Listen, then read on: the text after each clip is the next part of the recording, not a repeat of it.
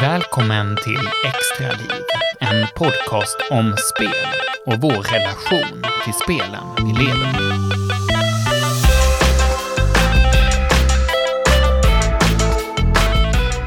Även om spelmediet fortfarande inte är lika bevakat som andra kulturformer går det idag att höra många berättelser om framgångsrika spel och deras skapare. Men nästan alltid berättas historierna långt efter det att spelen som skapats blivit succéer. Och dessutom har rösterna hittills i mångt och mycket hörts från samma generation. Det började med en speldator i julklapp, en Commodore 64, följt av LAN i gillestugan och drakar och demoner i tonåren. I det här avsnittet av Extraliv försöker vi fånga hur utvecklingen ser ut just nu hos personerna som kommer att utveckla framtidens spel.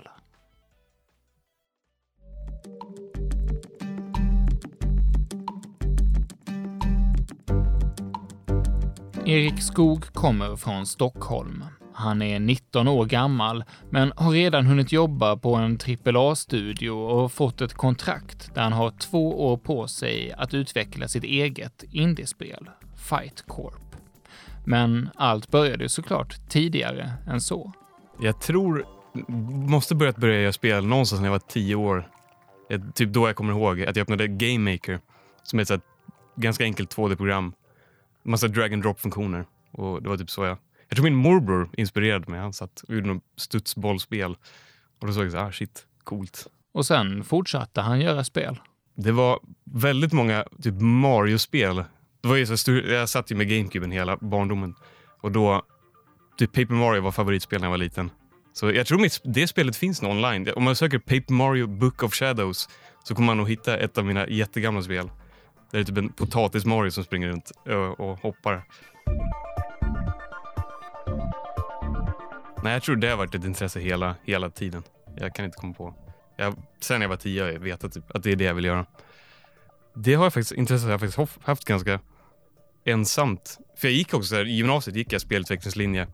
Men det var ändå fortfarande ganska svårt att hitta så här, likintressade. Jag tror jag hittade två personer som var intresserade av att göra spel där. så jag vet inte, jag har bara suttit själv. Det är därför jag jobbar på sättet jag gör just nu också. Jag har inte hittat kompisar som också vill göra spel. Typ några stycken. Det är tydligt att Eriks drivkraft är stark, men var den kommer ifrån, det verkar vara lite av ett mysterium. Jag har ingen aning nästan. Jag vet bara att jag tycker det är kul och folk tycker om att spela med det spel. Det är nästan svår, svåraste fråga jag kan nästan. Det är ingen aning. Jag bara vet att jag, det är det jag vill göra. Det är svårt.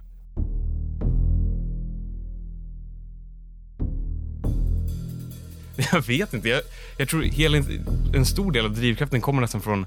Jag, för de här Mario-spelen jag la ut så kunde man få reviews. Och då vet jag att jag fick någon som gav mig så här, två utav tio och skrev typ konstigt spel men var lite kul. Och då såg jag så här, shit, någon tyckte mitt spel var lite kul. Det var det coolaste jag någonsin läst. Så fick jag bara för mig att det här är det jag ska göra resten av mitt liv. Och så har, har jag bara blivit bättre genom... För då, jag kommer ihåg också, då blev, fick jag så högt självförtroende. Jag tänkte så här, shit, jag har blivit bäst i världen på Mario-spel. Och så blev jag ännu mer motiverad att fortsätta. För jag tänkte, ah, nu är jag så här bra. Då bara fortsatte. Fast då, jag, var, jag tror jag också var för liten så jag förstod inte när de sa typ jätteful grafik.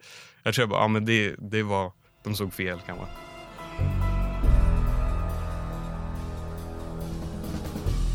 Där, jag fick faktiskt för mig, för någon, när jag var så här tio år, så fick jag för mig att jag gärna ville göra egen grafik. Um, jag kommer inte riktigt ihåg varför, jag tror jag bara gjorde det som princip, typ, inte ladda ner så mycket. Och då lärde jag mig så här, långsamt pixel art och via det, Game Maker hade någon så här in-engine animationsgrej där man bara kunde lägga ut massa sprite sheets. Så då lärde jag mig lite så här principerna bakom animation animerade. Och sen programmeringen där var ju drag and drop. De har scripting i det, men man kan också dra in typ move left i en liten så här lista. Um, och där, fördelen med det var att jag lärde mig rätt mycket så problemlösning som gäller i spelutveckling. Så typ if-satser och sånt. Det är ganska enkel programmering, men jag lärde mig ett sätt att typ löser problem på ett väldigt speciellt sätt med, på det sättet. Så jag först började bara med att jag ville göra egen grafik och egen programmering. Och sen har jag bara fortsatt med de principerna tills nu. För det, det grejen är att det var ett hobby. Nu blir det också som jobb, så det är ganska nice. Men jag har haft det som hobby liksom, i nio år nu typ. Och då har jag bara suttit, när jag har fritid, antingen kört typ Smash Brothers Melee eller gjort spel. Och då har jag bara hållit på med det. Så jag har ju fått, det är väl så här 10 000 timmar ska väl vara, då har man typ lärt sig något bra. Och det har jag väl fått nu.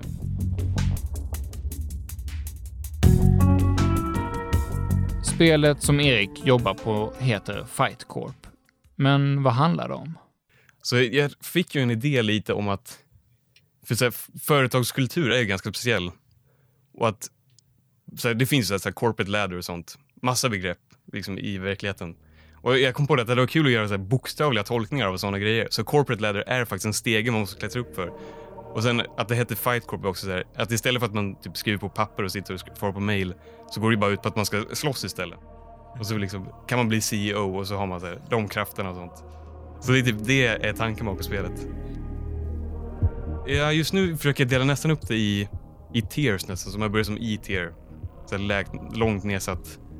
Alltså det, det är det, jag försöker komma på så här roliga titlar som faktiskt stämmer i, um, i verkligheten. Att någon person som är HR, så har de typ massa krafter som är så här, human resources grejer.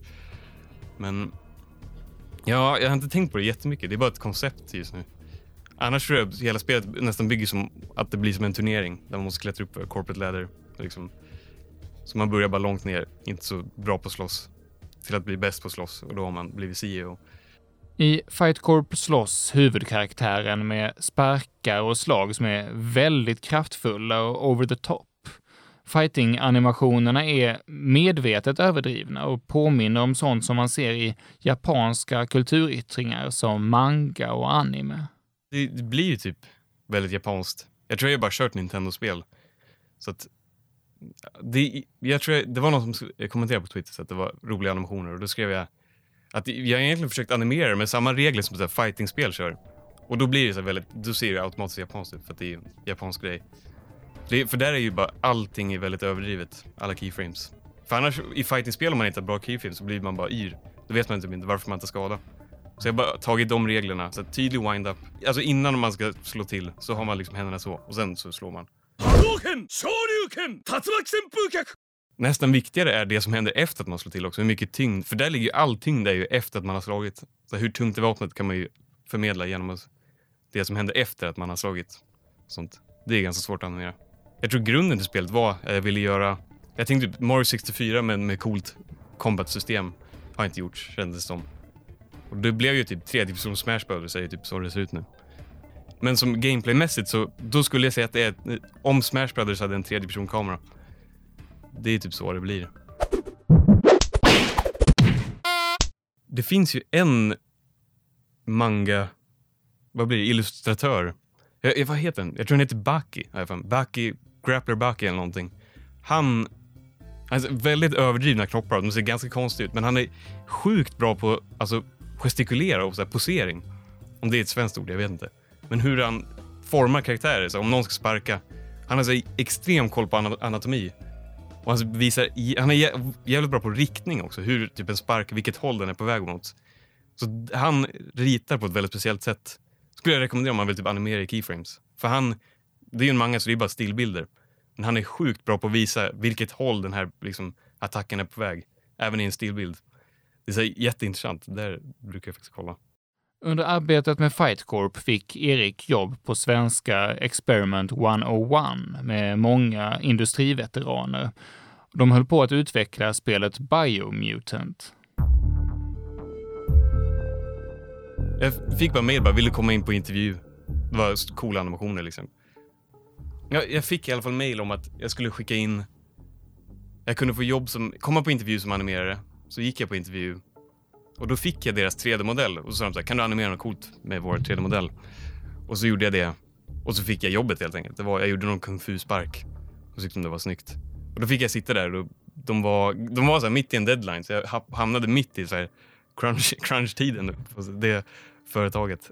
Och så, det, men det var ju det som var intressant för då, fick, det var ju så många animationer som skulle in så att de hade köpt in en mocap-suit så då fick jag, istället för att bli 3D-animerare som jag hade så på kontraktet, så blev det mocap actor. Så det var ju ganska speciellt. Så NPCs i det spelet är ju antagligen jag som typ sitter på marken och typ håller på med någonting.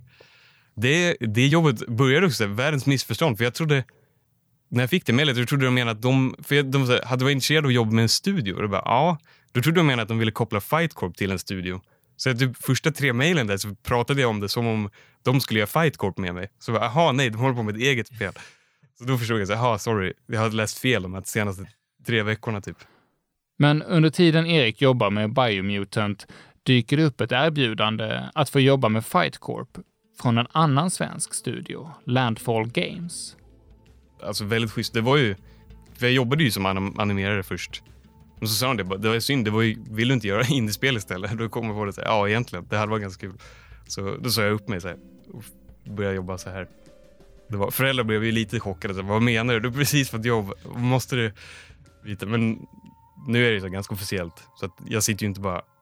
Nu har jag, alltså jag har ju kontrakt att göra spelet, så det blir ju ett jobb ändå. Men de blev förvirrade att jag var bytt helt plötsligt. Från Experiment 101 har Erik ändå med sig erfarenheter från corporate-världen och det är något som han kan använda som stoff till arbetet med Fight Corp. Vad gäller framtiden för spel tror Erik på en ny sorts retrovåg. Det, det är svårt. Jag tror ju att eftersom typ GameCube och Playstation 2-eran börjar ju bli så nostalgiskt. Så många kollar tillbaka på den och bara shit vad coola spel det var. Så jag tror typ den sortens grafik och den sortens gameplay. Jag vet Collectathons gjorde ju en liten comeback och det är ju Nintendo 64-tiden. Men vad hette det? Ukulele hette det ju. Och Hat in Time också. Det är ju så spel som egentligen... Så här, alltså, stora företag tror ju inte att sådana spel ska gå bra. Men det finns ju en audience nu som vill köra deras barnspel som inte är så Mario på Nintendo Entertainment System. Då menar de ju, deras barnspel blir ju så GameCube, Super Mario Sunshine och sånt. Det, det, måste ju någon gång komma ett Paper Mario-spel, alltså ett spiritual successor till dem. Det kan ha gjort det, jag, vet inte, jag har inte kollat. Många uppskattar ju, för jag vet att um, det jag håller på med nu, eftersom jag inte är så, jag är ju inte bäst i världen på 3D-modellering, så ser det ju ut som en Playstation 2 art style. Det, jag har typ behövt använda den svagheten som en styrka nu, det är ganska skönt. Där, folk tycker det ser ut som Playstation 2-spel och typ att det styrs som ett Playstation 2-spel. Så där, och folk verkar ju tycka det är så jättekul, för då kan de typ återuppleva de sortens spel. För de görs ju inte så mycket längre, typ överdrivna actionspel. Om någon som lyssnar skulle vilja bli en duktig spelutvecklare, hur ska man göra då? Ett sätt, tråkigaste svaret är ju typ, det tar oändligt lång tid. För det har ju varit typ, istället för att spela fotboll och sånt, har jag ju suttit och gjort det här istället. Så det, det är ju typ, det tråkigaste svaret är att det fanns inte många genvägar egentligen till att lära sig göra spel. Man måste bara typ ha väldigt mycket drivkraft. Jag har haft det för någon anledning. Jag kommer ju inte ihåg riktigt varför, men jag vet bara att jag tycker det är kul. Och sen, och sen alltså egentligen ett tips, lär att lära sig animera verkar vara det som har hjälpt mig mest just nu. Alltså, även om man, har, om man har en ful 3D-modell, så om den är snyggt animerad så är det typ animationen som ser, det är ju det som ger en liv. Så att, att ha en snygg animation kan typ, man kommer ganska långt med det tror jag. jag bara också kolla typ hur mycket hur, hur viktigt så feedback är. Alltså, typ, eh, alltså, och då menar jag så screen shake och partiklar och ljud och sånt. Animering och ljud, det är, typ, det är nästan allt man behöver tror jag. Det är typ det spelet är. Snygga ljud och snygga animeringar. Det är typ så. Då, ser, då sticker det ut på något sätt, jag vet inte varför. Om man har en kub och man vill att den ska hoppa och man bara gör så att den studsar till lite. Då ser det instantly ut som Nintendo har gjort det typ. Det, man, och då blir det också bara kul att hoppa och då är det typ det allt man behöver. Om man har en kub med en fin hoppanimation så kan man göra vad man vill typ, med det.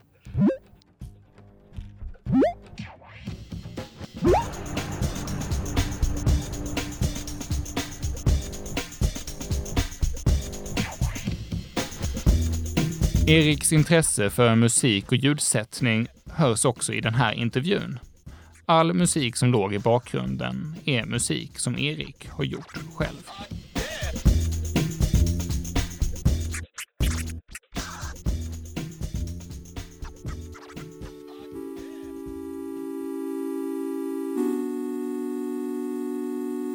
Jag är Johannes Ahlström, också känd som Kubus32 på nätet. Jag är 15 år och bor i Linköping. Mitt första spel, det var sex år sedan som jag och min far satt tillsammans på biblioteket och höll på med ett litet plattformer som hette Kubus, vilket sen blev känt som min alias. Jag tror jag var runt 8-9 år. Jag hade några kompisar som eh, är mer vuxna och som jobbar med spel som fulltidsjobb. Um, och de var väldigt stor inspiration för mig. Så det var därifrån jag uh, var intresserad i att börja programmera. Jag tycker att det är imponerande om man som 15-åring har gjort ett spel. Johannes har hunnit med betydligt mer. Jag har gjort ungefär 300 projekt. Alla de är inte fullklara spel, så jag skulle säga kanske 100 spelbara spel. Jag har eh, under mest tid suttit med Scratch, som är ett litet spel gjort av MIT. Och det är eh, där du programmerar med block, alltså att du drar in block in i skärmen som du kan koppla ihop nästan som pusselbitar. Och det ger dig möjligheten att göra spel väldigt snabbt. Och det är därför jag har hunnit göra så många spel. För så fort jag får en idé kan jag direkt slänga ihop några block och få ett spelbart spel. Det som jag är mest nöjd med är eh, förmodligen eh, det senaste jag släppt som heter Just Golf. Och det handlar om att du har en liten boll som du ska skjuta med.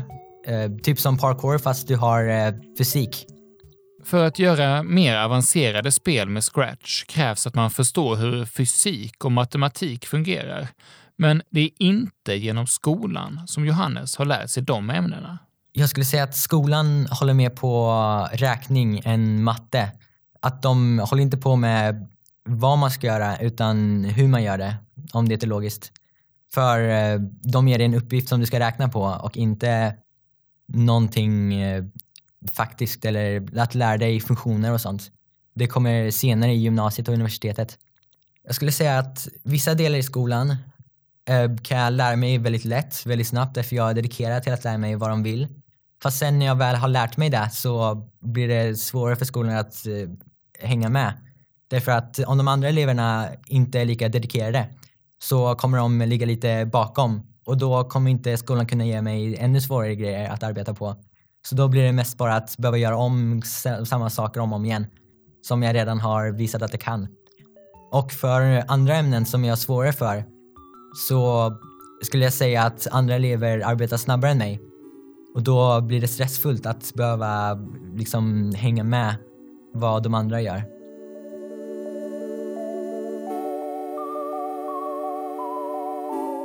Vi har lyckats anpassa skolan lite grann. Där jag istället för att gå till en vanlig skola så går jag till gymnasiet i en klass som är gjord för elever som har svårare i skolan så de ligger lite bakom. Och då får de göra om vad de gjorde i, eh, i lägre klasser fast gå igenom det mycket snabbare. Och där tycker jag jag passar in rätt så bra för det handlar ändå om lite grejer som jag inte vet, lite grejer som jag vet. Men de går igenom det mycket snabbare och upprepar inte samma uppgifter. Det är inte bara programmering som Johannes har lärt sig, utan även hur man gör grafik. Själv har jag testat fram att få fram min egna stil. Så att jag eh, ritar mer och mer bilder och på varenda bild så lär jag mig mer och mer. Därför att jag tar kritik väldigt seriöst. Så jag kan visa dem till flera personer, frågar om eh, vad de skulle kunna säga jag kunde gjort bättre. Och sen tar jag anteckningar och på mina nästa målningar så är jag säker på att jag gör det. Redan som 13-åring fick Johannes sitt första uppdrag som grafiker till ett spel. Eh, det heter eh, Gift of Partax och det är eh, ett spel som jag i början jobbade tillsammans med tre stycken danskar. Det var tre programmerare och jag som gjorde all konst i spelet. Jag eh, ritade bakgrunder, partiklar, karaktärer, effekter och så vidare. Men eh, det där med att ha sin hobby som sitt jobb, det är inte alltid så drömlikt som man kanske hade föreställt sig. Basreglerna var att jag skulle göra antingen fyra stycken stillbilder eller två stycken fulla animationer. Och jag eh, kunde eh, varje vecka då. Och om jag inte fullföljde det på en vecka så fick jag en strike kan vi säga. Och när jag fick upp till tre strikar så hade de möjligheten att sparka mig och behålla konsten. Det, att det blev väldigt stressfullt för ibland så är jag sugen på att rita väldigt mycket och ibland vill jag inte rita alls. Så då blev, kände jag som jag blev tvingad att arbeta istället för att jag gjorde det bara för att det var kul. Så då höll jag på att rita med en annan eh, stil som inte var pixelgrafik då. Medan jag höll på med det här projektet som jag kunde använda för att eh, rymma från eh, pixelgrafiken. Nu för tiden använder Johannes traditionella programmeringsspråk där man skriver kommandon istället för att pussla ihop block. Men han tycker fortfarande att Scratch var en bra ingång till spelskapande. Jag tror ändå Scratch är en väldigt bra början, så länge man inte fastnar på det lika mycket som jag har gjort. Ehm, sitter du med Scratch i kanske ett år, ett halvår och sånt så kan du lära dig basen väldigt mycket.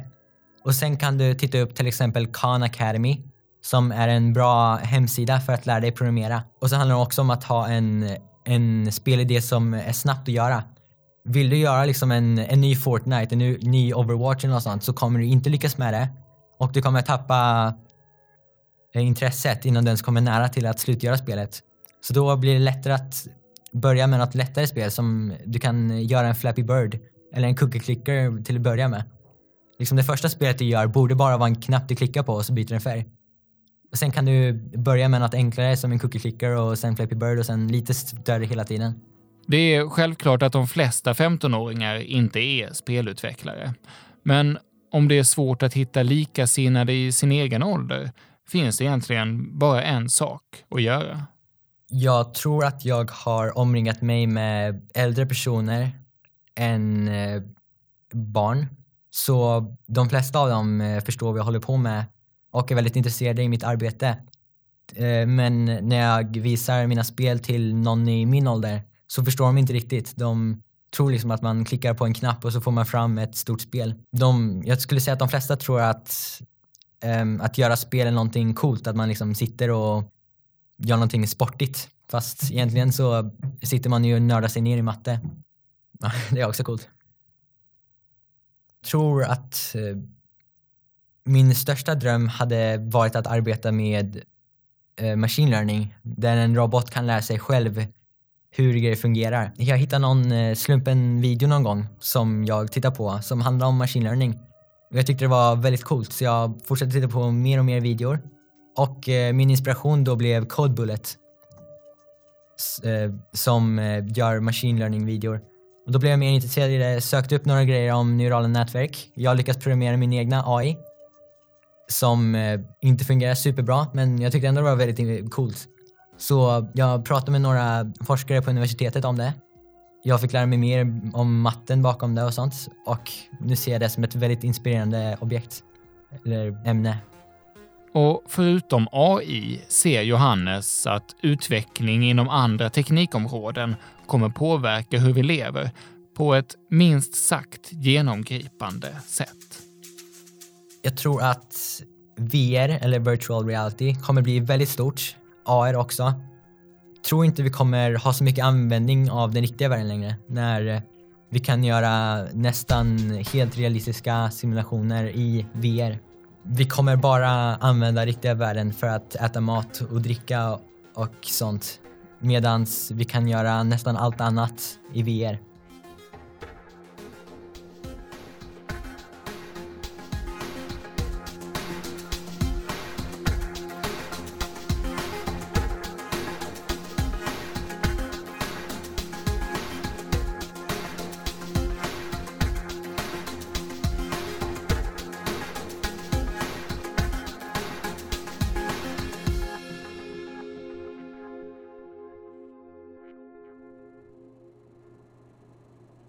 Philips hobby är att göra datorspel. Under det senaste halvåret har vi följt honom när han jobbat med spelet Hell Punk Horror. Tillsammans med musik från artisten Waveshaper tolkar vi hans skapande process. Ja, jag heter eh, Filip Johansson. Jag läser till dataingenjör och eh, ja, jag gör spel på fritiden som en hobby. Jag är född 1999, så jag är 19 år just nu. Det här liknar inte alls min första idé. Jag hade liksom... Ja, i oktober var det väl vi började. Så ja, det har hänt en del sedan dess.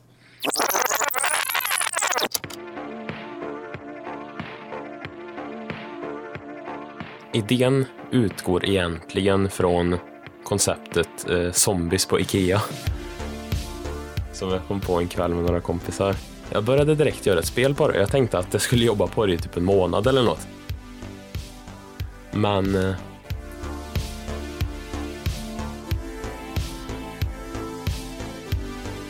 eh, idag är det den, tisdagen den 27 november. Alltså har jag jobbat på spel i ja, drygt en månad. Själva gameplayet, när man eh, aha, man springer runt och gör i spelet, det är väl egentligen någon sorts blandning mellan survival horror och klassisk FPS. Det är ju den här typiska survival horror-grejen att typ man har eh, lite ammo, man får mest slåss med olika närstridsvapen som man hittar och ibland är det ofta bättre att kanske springa ifrån fiender än att gå fram och slåss mot dem. Om den här saken med långa armar och ben. Den eh, testade jag för första gången lägga in lite rörelse på så att den skulle börja gå efter spelaren. Efter jag hade programmerat in det där utan att testa det så läckte jag med lite annat och efter en stund hade jag glömt bort att jag la in rörelse på den där. Och sen när jag gick in i spelet för att testa en annan sak då märkte jag först inte att den här rörde på sig och till slut så såg jag att den började gå, springa mot mig. Och, alltså jag, jag blev så rädd att jag skrek rätt ut. ja, det är den eh, 11 december.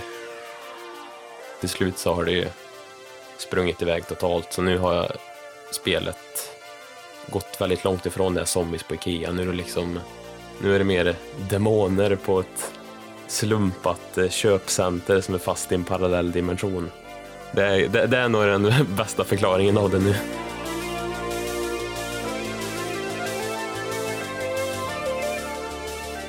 Sen har jag faktiskt tänkt lite på lite nya idéer och så till spelet. Eh, jag har till exempel bestämt mig att göra en liten eh, Silent Hill-aktig eh, aktigt dimensionsskift.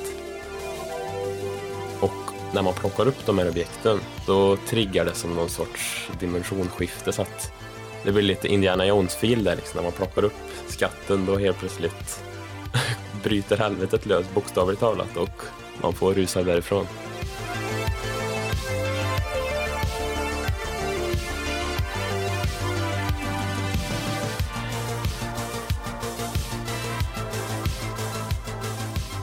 Eh, idag är det den 22 december 2018.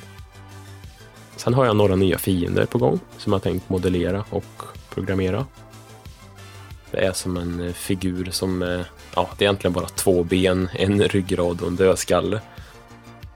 Det är som en människa, en humanoid med extremt långa armar och ben som går runt på alla fyra. Och så spyr den brinnande dödskalle på en. Så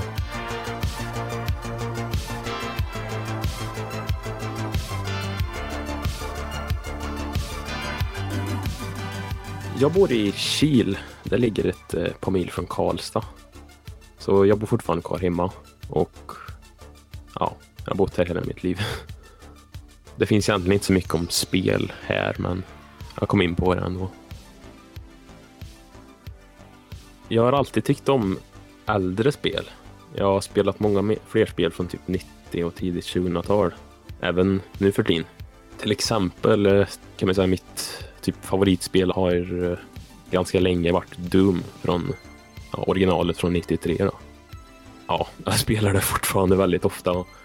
Så spelmässigt har jag tagit mycket från dem. När, på den tiden när spel var lite enklare, då mer gameplay-drivet. Och nu för tiden kanske man, man ska starta ett spel, det kanske tar liksom fem minuter innan du kommer in och så är det en massa menyer och krångel och sånt där. Och jag föredrar att bara kanske kunna köra igång Doom, köra en kvart, ett par banor och sen är det lugnt liksom. Sen kan man göra något annat.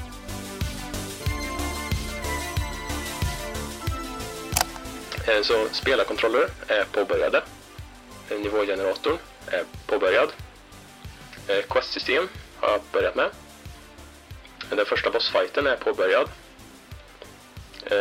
Flera monstertyper är påbörjade, bland annat en Ghoul, Poltergeist, eh, Stickman och eh, en Reaper Och sen alternativa game modes.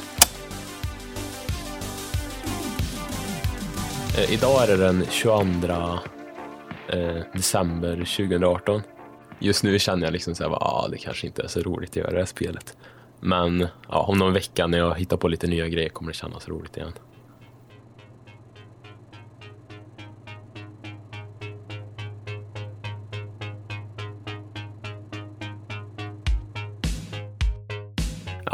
Alltså motivationen går ju väldigt upp och ner. Eh, inte den här veckan, men veckan innan det tog jag faktiskt en total paus från spelet. Gjorde ingenting, tänkte inte på det alls, utan bara Jag stod faktiskt en vecka och snickrade ihop en arkadmaskin hemma på fritiden.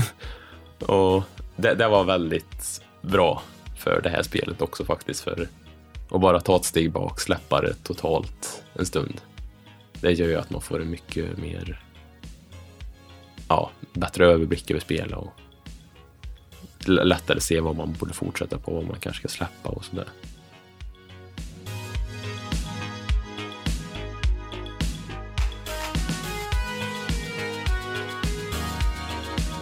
Ja, eh, dagens datum är eh, den 3 januari eh, 2019. Det stora som jag har börjat med nu är ju en sån här nivågenerator. Jag började med den här generatorn i lördags och jag var i princip klar på söndagen. Jag hade så här planerat typ en månad eller något att jobba på det. Så... Tanken var att det ska vara ett skräckspel och det är fortfarande tanken, men jag har tagit lite av ett steg tillbaka från just skräck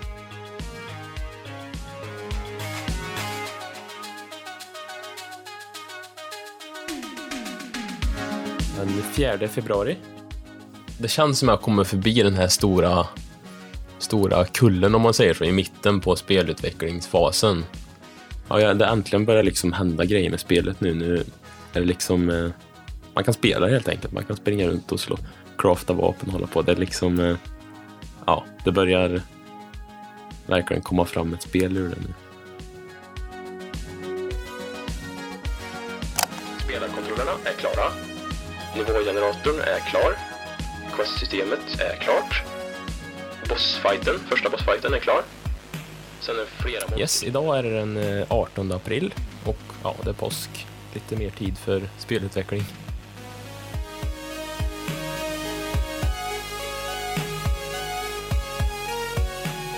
Ja, det går inte att spela igenom riktigt hela spelet för eh, jag har tänkt spara själva, vad ska man säga, den sista sekvensen, hela liksom The Final Boss och allt det här. Jag har tänkt spara lite och jag vill inte så här spoila för mycket för jag, jag är ganska mycket bygga upp för en så här twist om man säger, som en vändpunkt där man liksom bara wow, är det så det var?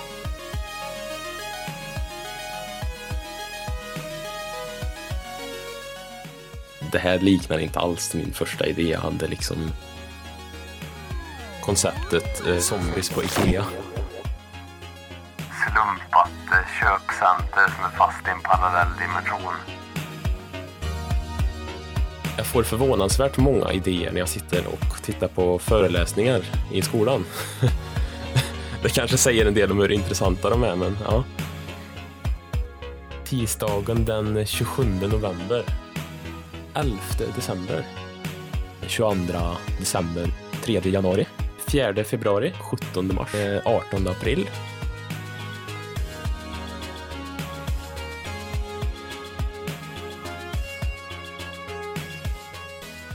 Jag har gjort ganska mycket, ganska mycket för att närma mig någon sorts release, liksom någon sorts färdig bild av spelet. Så fort jag är färdig med rätt mycket, lite, med lite fler, vad ska man säga, screenshot-vänliga saker från spelet som ser lite coola ut och så, så tänker jag att jag kan börja med lite, ordna lite snygga screenshots, någon mindre webbsida och så här, och sen börja fråga runt och visa upp det här. Jag känner att jag vill ha något som verkligen är kul att visa upp verkligen. Om man bara följer en plan man hittar på i början då är det ju ganska stor risk att resultatet inte blir så bra. Utan man ska ju köra på känsla, liksom det som känns bra och liksom fortsätta på det som är kul och sluta med det som är tråkigt. Ja, precis. Jag kan inte sluta med kreativt skapande. Jag har försökt och det går inte.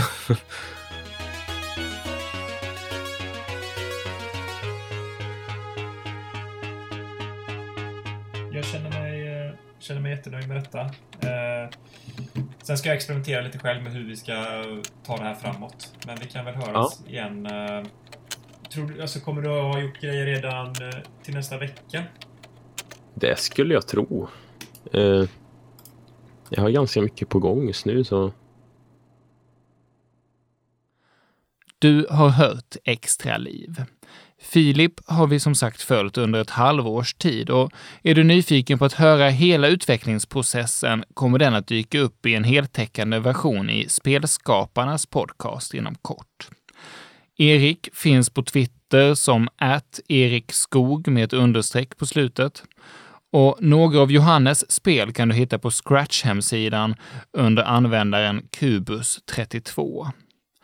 Du får gärna följa oss på Instagram eller Facebook där vi heter Extra Liv Podcast.